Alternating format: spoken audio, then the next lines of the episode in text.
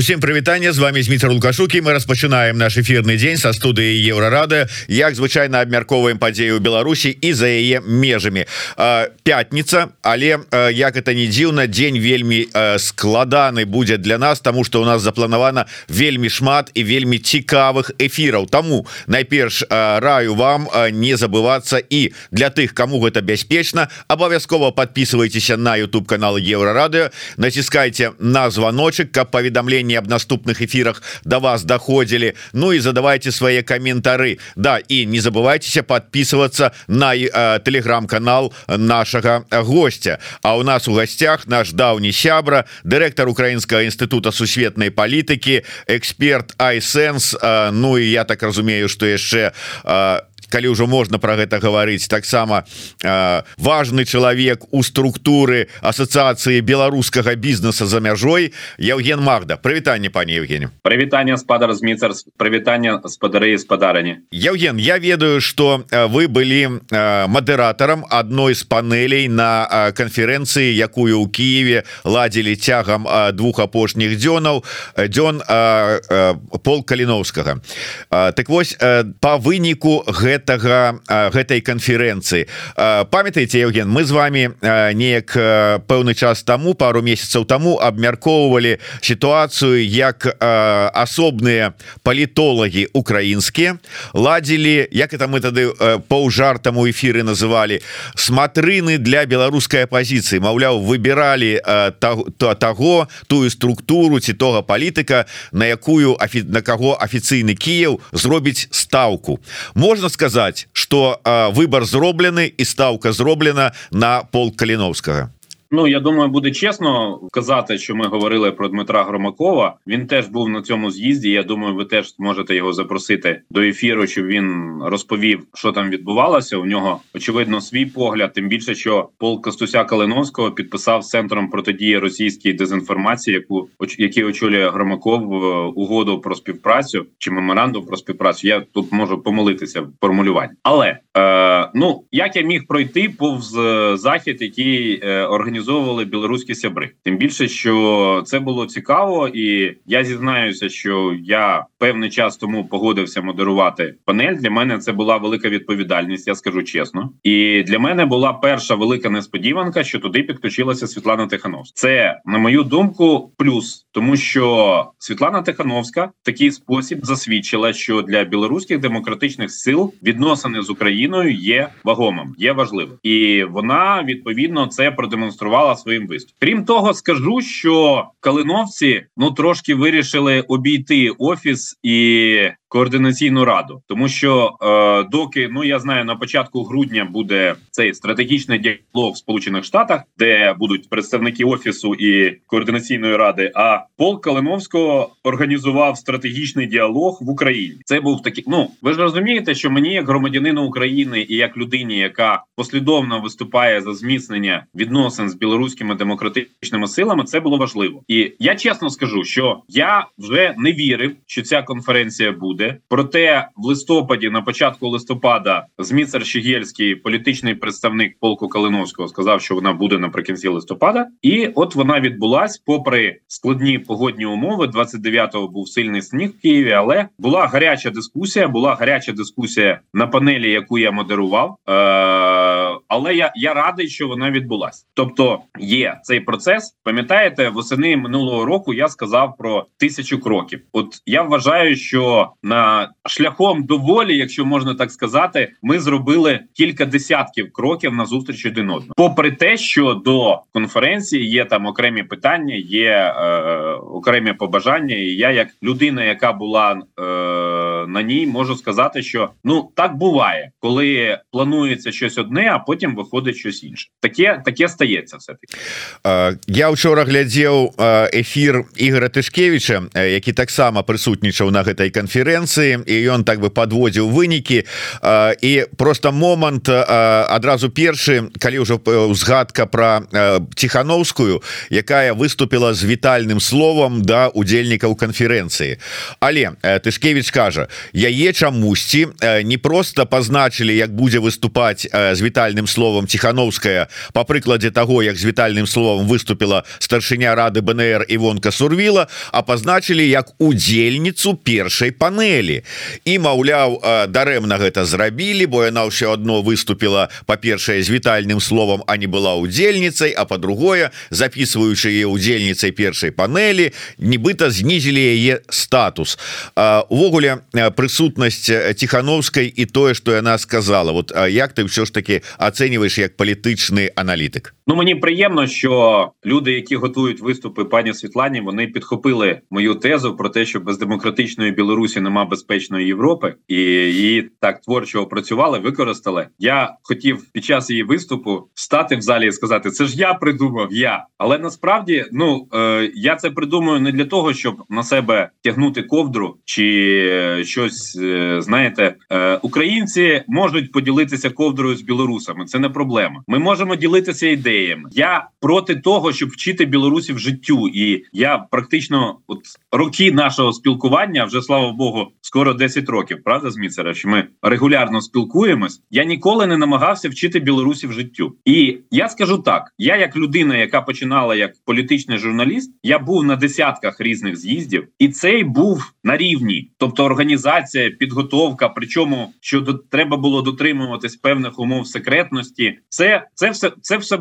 була е, ну було було представництво. Тобто, наприклад, був Андрій Єгоров як е, спікер координаційної ради, була Альона Живоглот, як його заступниця, були інші члени координаційної ради. Ну те, що сталося з представниками офісу і об'єднаного перехідного кабінету, я просто не буду це повторювати, бо наші слухачі знають, що вони не мали повноважень для того, щоб підписувати від цих організацій. Це е, елемент зростання, мабуть, але те, що цей процес почався, це добре. Якщо дозволите, то я б сказав би своє бачення. Як я ну я ж не перший рік спостерігаю за е, білоруськими демократичними силами. і в мене є певні моменти, які я хотів би ну сказати, як людина небайдужа.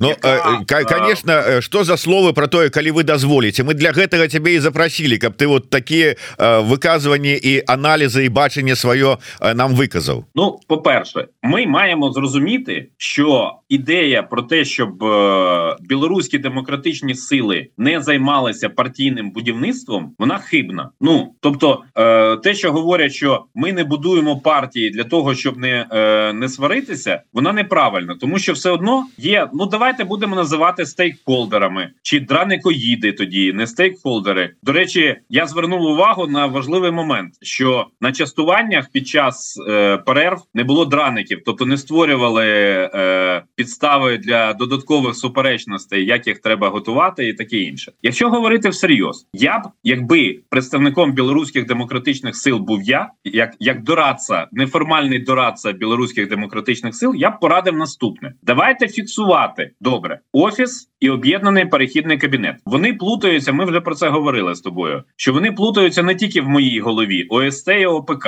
Вони ну вони переплетені просто. Хай вони займаються, скажімо, зовнішньополітичною діяльністю. Це у Світлани Тихановської виходить інтенсивно, це не викликає питань, не викликає застережень, і вона підтримує певний порядок денний. Є тим більше і Павел Латушка, і Валєр Кавалевський. Вони досвідчені дипломати. Вони можуть в цьому сенсі їй активно допомагати. Разом з тим, координаційна рада вона має, по-перше, продумати процедуру своїх наступних виборів. Бо якщо Білорусь не буде переходити до парламентської республіки в нинішніх умовах, то я маю на увазі білоруські демократичні сили, тому що ми ж не говоримо. Ми ми ж розуміємо, що поняття е, Лукашенко і вибори вони космічно далекі. Тому говорити про вибори на територію Білорусі, де існує влада Лукашенка, про демократичні вибори, просто не випадає. Ну ми ж не будемо один одного дурити. Значить, вибори мають бути цифровими, електронними, щоб підтвердити імідж it нації і створити умови, коли координаційна рада формується шляхом голосування, і нехай не лякає те, що візьмуть участь. Ну скажімо, не всі немає в більшості європейських країн нижньої планки участі в голосуванні. Тобто, це один важливий момент, який можна говорити. Далі я скажу не, е, не як радник дорадца Абба, а як людина, яка спостерігає за цим процесом, що білоруський бізнес має більш чітко говорити і про те, що він може діяти виключно чистими руками, і тут я підтримую те, що робить Абба з приводу акредитації своїх членів, і має формулювати більш чітко свою політичну позицію. Немає там олігархів, є національна буржуазія, і вона теж має говорити про політичні питання, говорити, що ми за ринкову економіку, ми за європейську інтеграцію. Ну ми за те, щоб земля була товаром. Ми за те, щоб е, ще якісь речі були. Пол Кановського і інші добровольчі об'єднання. Ну це е, часова військова комісія. До речі, я оцінив, що її очолив не представник полку. Це сильний крок, тим більше, що він і людина така фактурна. Знаєте, він він до речі, під час е, з'їзду він вносив прапор. Я на це звернув увагу. Вносив прапор полку Калиновського. Розмова йде про е, Павла Шурмея, е, двукратного удзельника, двухразового удзельника Олімпіяди і е, героя недавнего випуску програми Ідея X. Можна поглядеть, послухать. Е, вибачаю, переб'ю. Да, е, от він ну він такий дуже. Я не, не встиг з ним познайомитись. Ну тому що дійсно знаєте багато орбіт під час з'їзду. Але от я я скажу, що людина з помітною позицією, з чіткою позицією, і в цьому контексті, от е, військові військові безпекові питання, це полк, це очевидно. Ще один момент, на мою думку, важливий. Я дозволю собі, як людина, яка на початку цього року познайомилась з Зеноном Станіславовичем Позняком і розуміє його роль в новітній історії Білорусі, бо відкрити правду про Куропати це важливо. Я це кажу, тому що в Україні такі самі проблеми. У нас теж є биківня. У вас була ніч розстріляних поетів. У нас було урочище Сандермох, де вбивали наших поетів і драматургів і письменників в 37-му. Так от треба місце відповідне здібностям і вазі Зенона Позняка. Можливо, це верхня палата координаційної ради. Ну, наприклад, тобто, все одно ж зараз зараз це ще це, це все ще проговорюється. Мета має бути простою: демократичні сили. Ми на сьогодні, я наче нікого з таких великих холдерів не забув. Вони мають визначити, що їм робити. Кожен має і раз на квартал проводити бажано публічно, що ми зробили в цьому напрямку, і потім шукати точки дотик. Бо якщо ходити ображатися один на одного і казати, ну ні, ми там з вами нічого не будемо. Ну я ціную те, що калиновці зуміли зібрати людей, які дійсно складно один з одним спілкуються в демократичному суспільстві. Так буває. Ну але ж давайте ми не будемо доводити ситуацію до абсурду в білоруському середовищі і не будемо створювати ситуацію, коли як відомі російські приказці демократи об'єднуються лише в камері перед розстрілом. Вже вже зараз люди, про яких ми говоримо, вони в переважній більшості перебувають за межами Білорусі. Я думаю, що вони так чи інакше хочуть повернутися в Білорусь, хоча б мати можливість туди приїжджати Це не значить, що вони всі зараз е, з моменту зміни влади все зміниться і вони повернуться. Я думаю, що це буде ну нормальний адекватний процес. Е, я хотів би зачитати акурат такі, калі мы тут е, узгадали про перацягванне коўдры але вот Евген казаў про сябе а пытанне ёсць крыху про інша ад нашага агульнага знаёмага блогера дарога дарэчы раю усім подпісацца на YouTube канал дарогі і на YouTube канал программу хрусі пополам выдатная программа раю усім паглядзець. Так вось дарога пытается якія у спадара Евгена уражанні ад канферэнцыі? Что гэта было хутчэй? Рэальная спроба аб'яднацца альго альбо чарговае спаборніцтва у перацягванні коўдры на сябе? Я я павярнуўся я тут. Я тільки не пачуў э, валеры пытанне. Яшчэ раз да. Я разумею там якія гаспадара Евгена уражанні ад канферэнцыі? Гэта что было было хутчэй рэальная спроба аб'яднацца альбо чарговае спаборніцтва у перацягванні коўдры на сябе а, Я не думаю що е, ну тема ковдри вона стає такою дуже е, цікавою е, тому що е, ну не все одно будуть люди тягнути ковдру на себе в будь-якому випадку спроба така була ну е, я дивився ефір з Фраником вечоркою і де ж ну і відповідно я знаю що це обговорювалось документ обговорювався я не вірю що калиновці настільки самопевнені що вони вирішили винести документи типу а куди ви дінетесь ви підпишете але я розумію реакцію людей які 40 годин їхали з Варшави і кілька годин стояли на кордоні що у них там е свої е відповідно питання. Ну а а чого? Ну ну ви ж розумієте що при всій повазі до Анатолія Лібєдьки, е але коли виходить він і говорить а я можу підписати тільки як депутат незалежності то у людей які знають його роль його вплив його прагнення там створити нову конституцію в Білорусі тощо. Ну я е, у мене немає моральних прав критикувати представників білоруських демократичних сил. Я можу сказати, що я можу сказати про українців, що було достатньо багато. Було дійсно два представника. Е,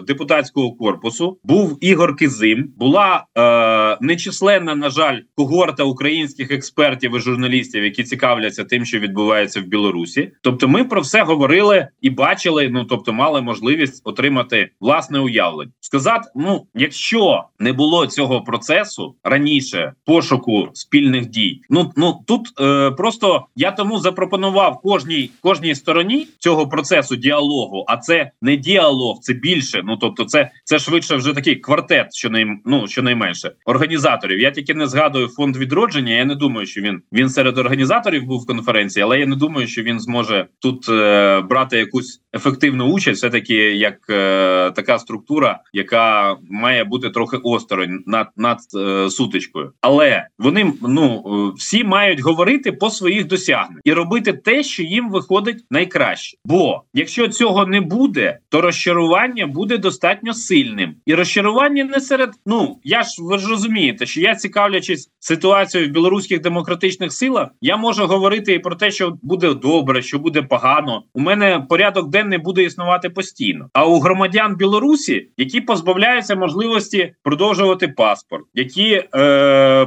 ну вони е, вони на це все будуть дивитися. Вони е, громадяни Білорусі, які зараз перебувають за кордоном, скажімо, ну це на мою думку, це ті, хто так чи інакше вирішили не асоціювати з Лукашенком. Вони на все будуть вони будуть дивитися на ситуацію в білоруських демократичних силах крізь призму власних проблем або призму власних успіхів, і відповідно так будуть оцінювати. І це буде створювати ґрунт для того, щоб і всередині Білорусі КДБ з Губозіком і російська пропаганда з Азарьонком робили все для того, щоб це розхитувати. До речі, ну я не помітив е, під час з'їзду якихось таких е, шалених суперечок. Ну до до, до сутички, але я розумію, що там було і достатньо багато опонентів і тих, кому ну ті, хто не хотів би там якось, щоб їх асоціювали один з одним, і кожен має робити те, що в нього виходить краще, тому що лише зафіксувавши своїм ворогом Лукашенка і Путіна, ну це про це теж треба говорити. До речі, віддам належне офісу Світлани Тихановської в останніх публічних виступах. Там все частіше звучить, що не тільки критика на адресу Путіна, а те, що нами з російською опозицією не по дорозі. Ну це ж була е, власна ситуація після інтерв'ю і новій газеті Європи. Тому треба, треба, треба діяти, треба щось показувати і активніше, якщо ще так би мовити, остання порада. Всі учасники цього процесу мають активніше взаємодіяти з пересічними громадянами Білорусі, які перебувають за межами Білорусі або можуть ризикнути і говорити про е, з ними перебуваючи у себе на батьківщині. Хоча ну я б звичайно це не радив, бо я все таки оцінюю поліцейський апарат Лукашенка як достатньо потужний. Е, я вернуся до е, теми учорашнього ефіру эфира с франыком вячоркам а, а дакладней да ситуации с непрыездом на конференцию тихохановской франак признаў что запрашэнне приехать на конференцию тихохановская атрымала і что размовы про тое як можна гэта зрабіць ішлі ішлі перамовы я так разумею на высокім узроўні у нейкай там палітычных сферах Украины про гэты візит але по словах франыка с Киева прогучалі словы про тое что ну давайте не прыспешивать яшчэ не час там ці что там яшчэ там. Не будем правакаваць я утрырую конечно. Але а, ці насамрэч ўсё вот так як опісаў франак ці сапраўды Кіев не зацікаўлены зараз насамрэч у візіце тихохановской нават калі размова не ідзе пра сустрэчу прыезд для сустрэчы з зяленскім а прыезд на удзел у конференцыі Ну мы ж розуміємо що якщо політика називають президент елект і вона приїжджає в країну і не зустрічається з президентом спікером парламенту чи прем'єром то виникає питання, чому вона тоді приїхала. Ну тобто вона тоді наражається на крит, правда? Ну тобто, фактично підважується її статус. Для чого вона тоді приїхала? Це раз два Франак міг чути ці розмови, а я ні. Тому ну сказати, що ну такого точно не було. Я не знаю. Я можу сказати, що я не бачу, на жаль, в українській владі якоїсь чіткої стратегії е, з приводу того, як діяти з Білорусі. Анатолій Лібецька, до речі, наголосив, що він зустрічався з Михайлом Подоляком, і той сказав що він буде підтримувати ідею спецпредставника е, України по Білорусі, ідею, яку серед іншого висував і я, але сказати, що от є суцільний адабрямс з цього приводу, і вже є якісь персоналі, я поки що не можу. Зрозуміло, що маючи кількох колишніх послів Білорусі, можна було б призначити людину, яка б такий спосіб діяла. Але тут треба розуміти інше, що призначення такої людини передбачає наявність у неї певної ресурсної бази грошей, прямо кажучи, виникає питання: чи може Україна в умовах війни з Росією, війни запеклої, війни важкої, розраховувати на те, що вона це зробить? Я от на сьогоднішній момент все таки е, такого е, ну це об'єктивно об'єктивно складно. Тому є так, як є. Знаєте, е, я думаю, що якби е, ці всі події відбувалися до пандемії ковід, було в принципі важче ще пояснити, чому Світлана Тихановська включалася відеозв'язком. Але після ковіду ну можна можна було б знайти причини і можливості і підстави. Ну я слухав слова Франака про те, що там це все має узгодж узгоджувати з литовським МЗС. Все ну, значить, є така процедура. Значить, українського МЗС е, і офісу президента очевидно сьогодні більш е, вагомі питання, і це теж правда.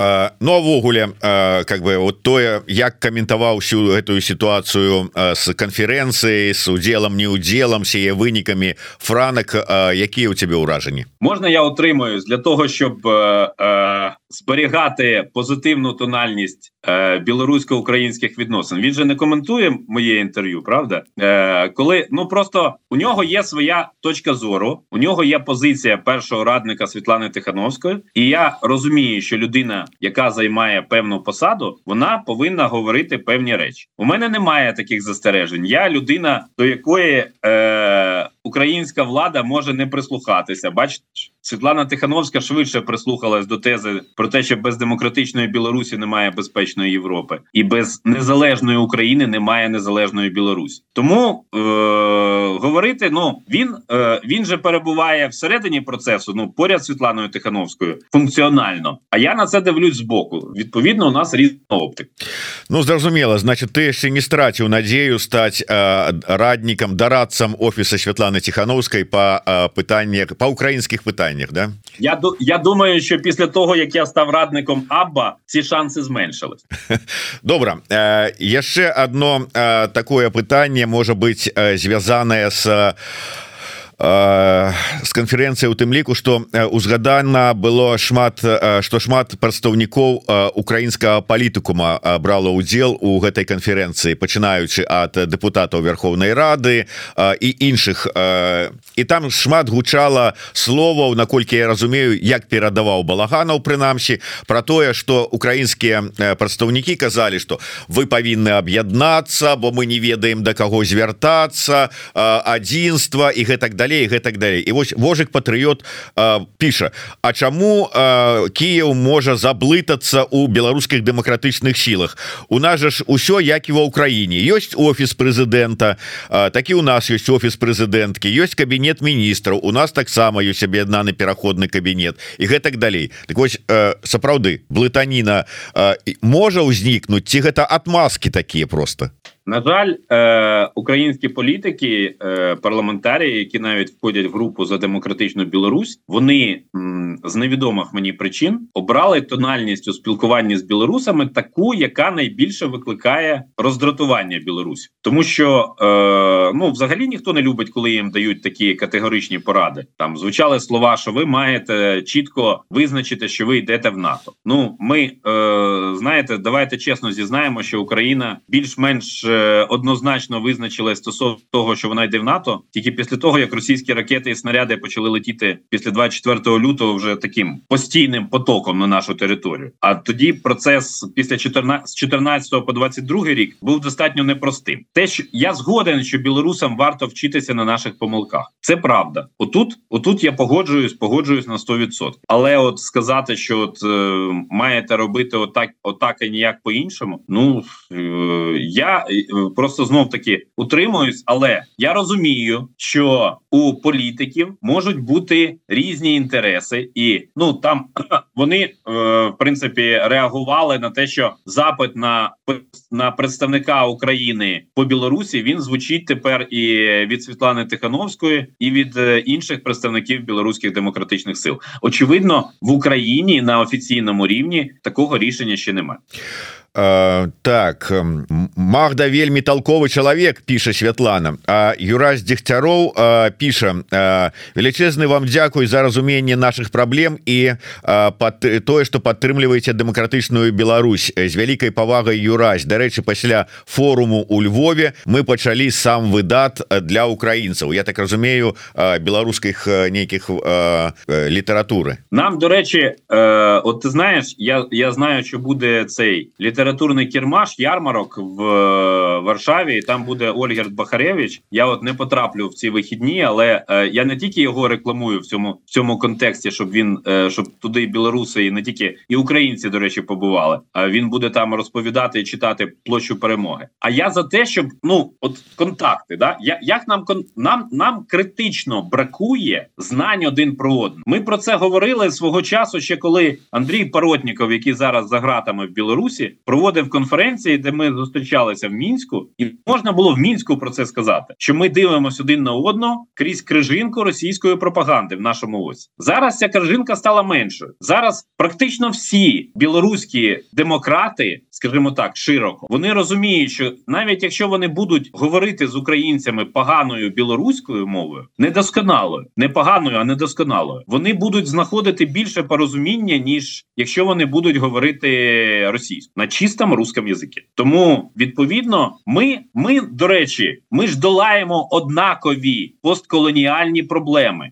що Україна, що Білорусь, і ми до речі, зараз перебуваємо з Молдовою теж в процесі формування політичних націй, останніми в Європі. Це не наша провина, це так історично склалася ситуація, і ми маємо допомагати один одному. Ми маємо один одного підтримувати. Тому достатньо багато було українських представників. Ну е, ну тут тут же ж це сполучені судини. Найбільше білорусів в лавах Сил оборони України, причому в різних підрозділах, але Пол Калиновського найбільш відомий, найбільш чисельний, і найбільше українців було відповідно на заході, які організовували Калину. Так Євген а з нами. Ты так просто э, затих что мне склалася ўражанне что ізноўку альбо подвісла альбо сувязь страціла який мовчить це погано я зрозумею да, да.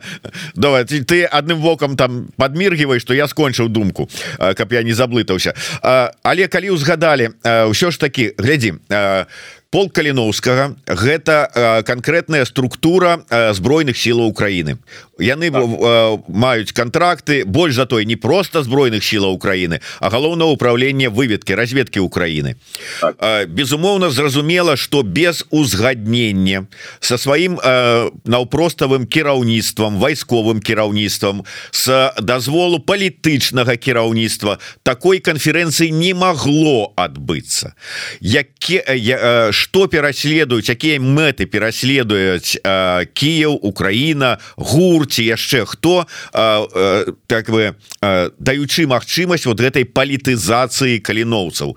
Ці не ўцягнуць іх у нейкія унутраныя украінскія палітычныя гульні? Ну я думаю що білорусам вистачає власних питань щоб втягуватись в різні українські питання. Е, я не бачу е, знаєш я з глибокою повагою ставлюся до людей які не будучи громадянами України прийшли захищати Україну зі зброєю в руках. Я розумію що вони отримують досвід я розумію але ж вони їх гинуть. Тобто звучать різні цифри. До до 40 білоруських доброохотників добровольців загинуло вже за Україну. Це це, це багато це це велика цифра. І я думаю що будь-який нормальний українець він розуміє що позиція Білорусі в цьому питанні вона є такою що вони хочуть шукати свої майбутні перспективи. Для них це нормально. У них немає іншого ну знаєш е от ти поставив питання а я задумався. Якщо Світлані Тихановській на всі дії дає дозвіл польській е, литовській МЗС, то виходить і на проведення конференції Вільна Білорусь е, цього року теж давав дозвіл литовський МЗС по узгадненню з польським, бо у Варшаві проходив. Ну тобто вони між собою це узгоджували, правильно? Ну ми, думаєш, ми це це вписується тільки в одне: те, що я, наприклад, переконаний, що точка Білорусь вона має бути всередині Люблінського трикутника Польща, Литва, Україна. Між нами зараз є суперечності між Україною і Польщею. Різні вони відомі. Я не, не буду їх повторювати про них. Тобто, ця ситуація на кордоні це до речі, гра російських спецслужб. Я в цьому абсолютно переконаний, просто на понад 100%. Але сказати, що от є, знаєш, е- політична гра є на сьогоднішній момент ситуація, коли головне управління розвідки е- веде ну різні різні види діяльності, і тут все на сьогоднішній момент налаштоване на перемогу. Але уявити собі, що білоруські добровольці будуть, наприклад, відомі у нас такій суспільній дискусії, яка існує, чи на боці Зеленського, чи на боці Залужного, я уявити собі не можу. Я думаю, що вони в першу чергу на боці вільної Білорусі, ну яку вони самі хочуть звільнити. Але я підкреслюю, що я не вірю в можливість інтервенції білоруських озброєних формувань з території України в Білорусь,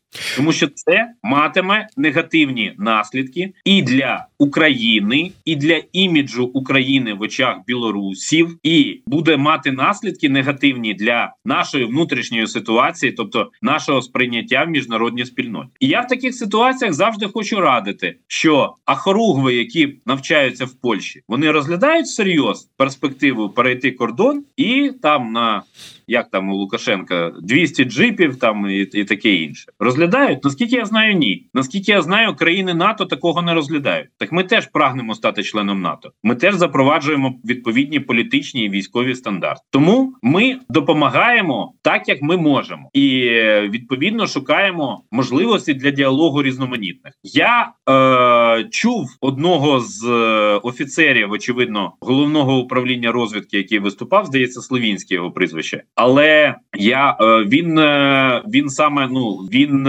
здається керівник одного з підрозділів інтернаціонального легіону. Здається, розвідки інтернаціонального легіону. Тобто медійних персонажів головного управління розвідки, які щось коментують від імені ГУР, я на з'їзді не бачу.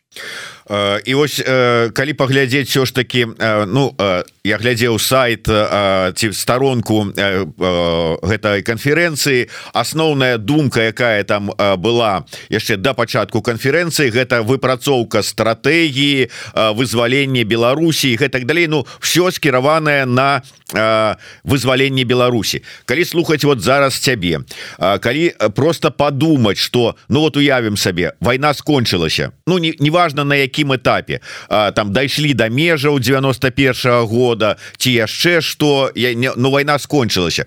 У ва Украіны будзе безліч праблем пытанняў якімі яна мусіць будзе займацца перш за ўсё пачынаючы ад адбудовы сваёй краіны да правядзення выбараў канцы канцоў ці да вызвалення Беларусі ёй будзе думаць. І таким чынам якім якія бачуцца А як ты кажаш не Польшча не іншыя краіны НАТО не дадуць магчымасці сфармаваць нейкія вайсковыя часткі беларусам і пачаць вызваленне Беларусі з іх тэрыторыі якія варыянты вызвалення Беларусі тады выглядаюць і ці не тады не ну, ну не варта можа быть узнімаць гэтую тэму цяпер вот на канферэнцыях на іншых вот нейкіх э, на працягу канферэнцыі каліноўцам Я так скажу що насправді доля Білорусі на сьогоднішній момент більше залежить від життя і перебування на посаді Путіна ніж перебування Лукашенка, тому що відхід від е, влади Путіна може змінити владу в Білорусі, а відхід від влади Лукашенка настільки однозначно її не змін. От у мене є таке відчуття. Ну і э, на завяршэнне гэтай пра нашай размовы я хацеў бы вярнуцца звярнуцца да крыху іншай тэмы э, учора выступаючы э, на э, ускоп'і здаецца э, лаўроў э, конкретно выказаўся з пагрозамі у бок Малдовы э, Я ведаю что у цябе добрыя сувязі з Малдовай і э, прафесійныя і чалавечыя э, словы э, Лаўрова про тое что Малдова хутчэй хутчэй за ўсё стане наступнай ахвярай так званага іхняга СВО гэта пра што і наколькі гэта небяспечна сапраўды Ну бываюць э, бывае брехня бывае цынічна брехня бывае заявы Лаврова просто э, сорамно коли міністр закордонних справ якого допустили такі з його е, стайні тобто конюшні на Смоленській площі допустили до участі в е, зустрічі з іншими міністрами він не знає географію. Молдова межує тільки з двома країнами Румунією і Україною. Немає інших інших кордонів жодних. Тобто Лавров в такий спосіб хоче довести, що дії Росії в військовому сенсі будуть настільки успішними, що вона зможе з українського півдня атакувати Молдову. Ну е- це на сьогоднішній момент це ця тема звучала і навесні минулого року, і цього року вона звучить постійно. Це тиск на Молдову в першу чергу, тому що там наступного за рік мають пройти президентські вибори. А на місцевих виборах партія Має Санду виступила не дуже успішно, м'яко кажучи, не взявши гору в жодному з великих міст. Тому Лавров використав нагоду для того, щоб погрожувати Молдові. Але шановні громадяни Білорусі, які на Білорусі, ви ж розумієте, що якщо це звучить на адресу Молдови, то на адресу Білорусі зараз це технічно зробити легше. Але я знаю, що білоруси люблять свою батьківщину, і я не вірю в те, що вони хочуть одного дня прокинутись на території чергового федерального округу Російської Федерації. Але це теж залежить від кожного з вас насамперед від тих, хто в лавах білоруської армії чи в лавах білоруських силових структур. Це реальність. Українці змогли дати відсіч Росії. А чим ви власне гірші, дорогі сябры. спадзяюся что нічым а одно удакладнение Я так разумею что у наших гледачоў слухачоў і увогуле по выніку інфармацыі якая шла с конференцэнцыі не ва ўсіх ёсць разуменне что такое ЧВК думаю что это штосьці кшталту ЧВК вагнера стварылі каліноўцы. Але гэта не частная военная кампанія а часовая военная камісія.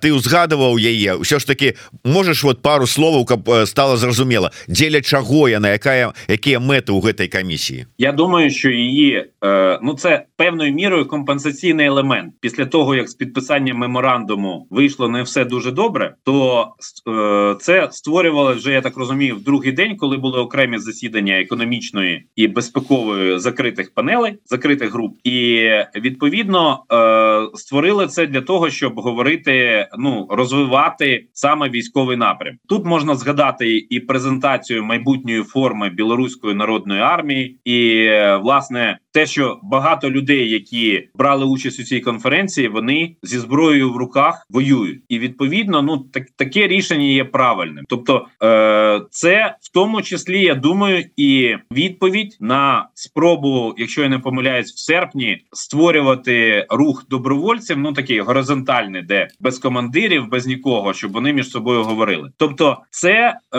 елементи військового будівництва, і ми розуміємо, що в сучасній в сучасному світі створювати армію треба саме так, як це виходить. Бо дійсно це люди, які пройшли бойове хрещення, і вони знають, що і як треба робити.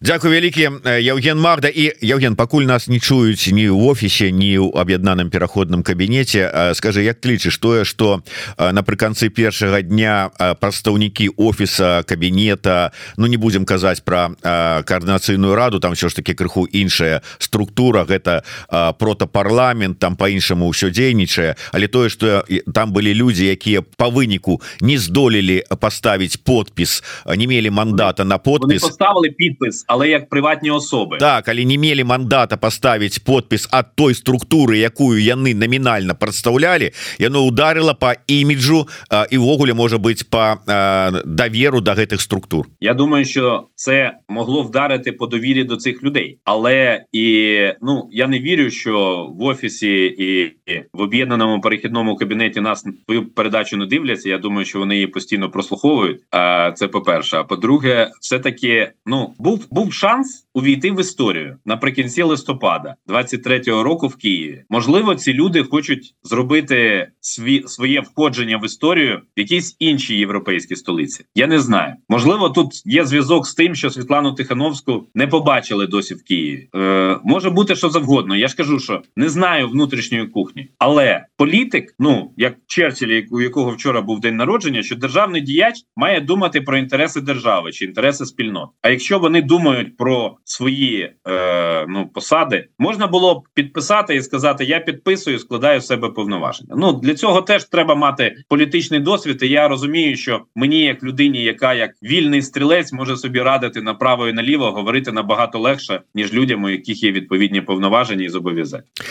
Ну что ж паглядзім чым это все скончыцца тым больш что франак учора ў нашым эфіры паабяцаў что ўсё ж таки цягам бліжэйшых некалькіх дзён гэтыя документ мемарандум будзе подпісаны ад імя офіса тымі людзьмі у кого ёсць на гэта мандат Я спадзяюся что Святлана тихохановская нарэшце гэты документ прачытае бо як сказаў франак цягам двух месяцаў пакуль яго абгаворывалі ні яна не ён яго так і не бачылі і не пачыталі у чым сумняецца а, а хто ж а хто ж тоді обговорював Дык не обговорювали от офіса атрымліваецца ніхто виходить що офіс Світлани Тихановської такий чисельний що два місяці обговорюється якийсь документ і там е, і е, людина яка претендує на лідерство в країні говорить що вона його не бачила але при цьому брала участь е, в конференції в два прийоми ну е, е, я все таки заради білорусько-українських відносин утримуюсь від подальших коментарів тому що мій сарказм може стати нищівним. А так хацелася Ну что ж я думаю что у прыватных адносінах мы э, гэта э, пачуем. Э, Дякую вялікі. Евген Магда Зміцер Лукашук. Ну і дарэчы я хотел бы нагадаць что сёння у нас у эфиры будзе э, кіраўнік аб'яд э, народнага антыкрызнага управлення і э, намеснік кіраўніцы э, аб'яднанага пераходнага кабінета Павел латушка працягнем гэтую размову было. Да да вот про гэта з ім таксама і паговорым чаму ён не даехаў Дякую вялікі Евген Магда Зміцер Лукашук. Слухайте глядзіце нас. Жыве Беларусі слава Украіне героям слава жыве вечна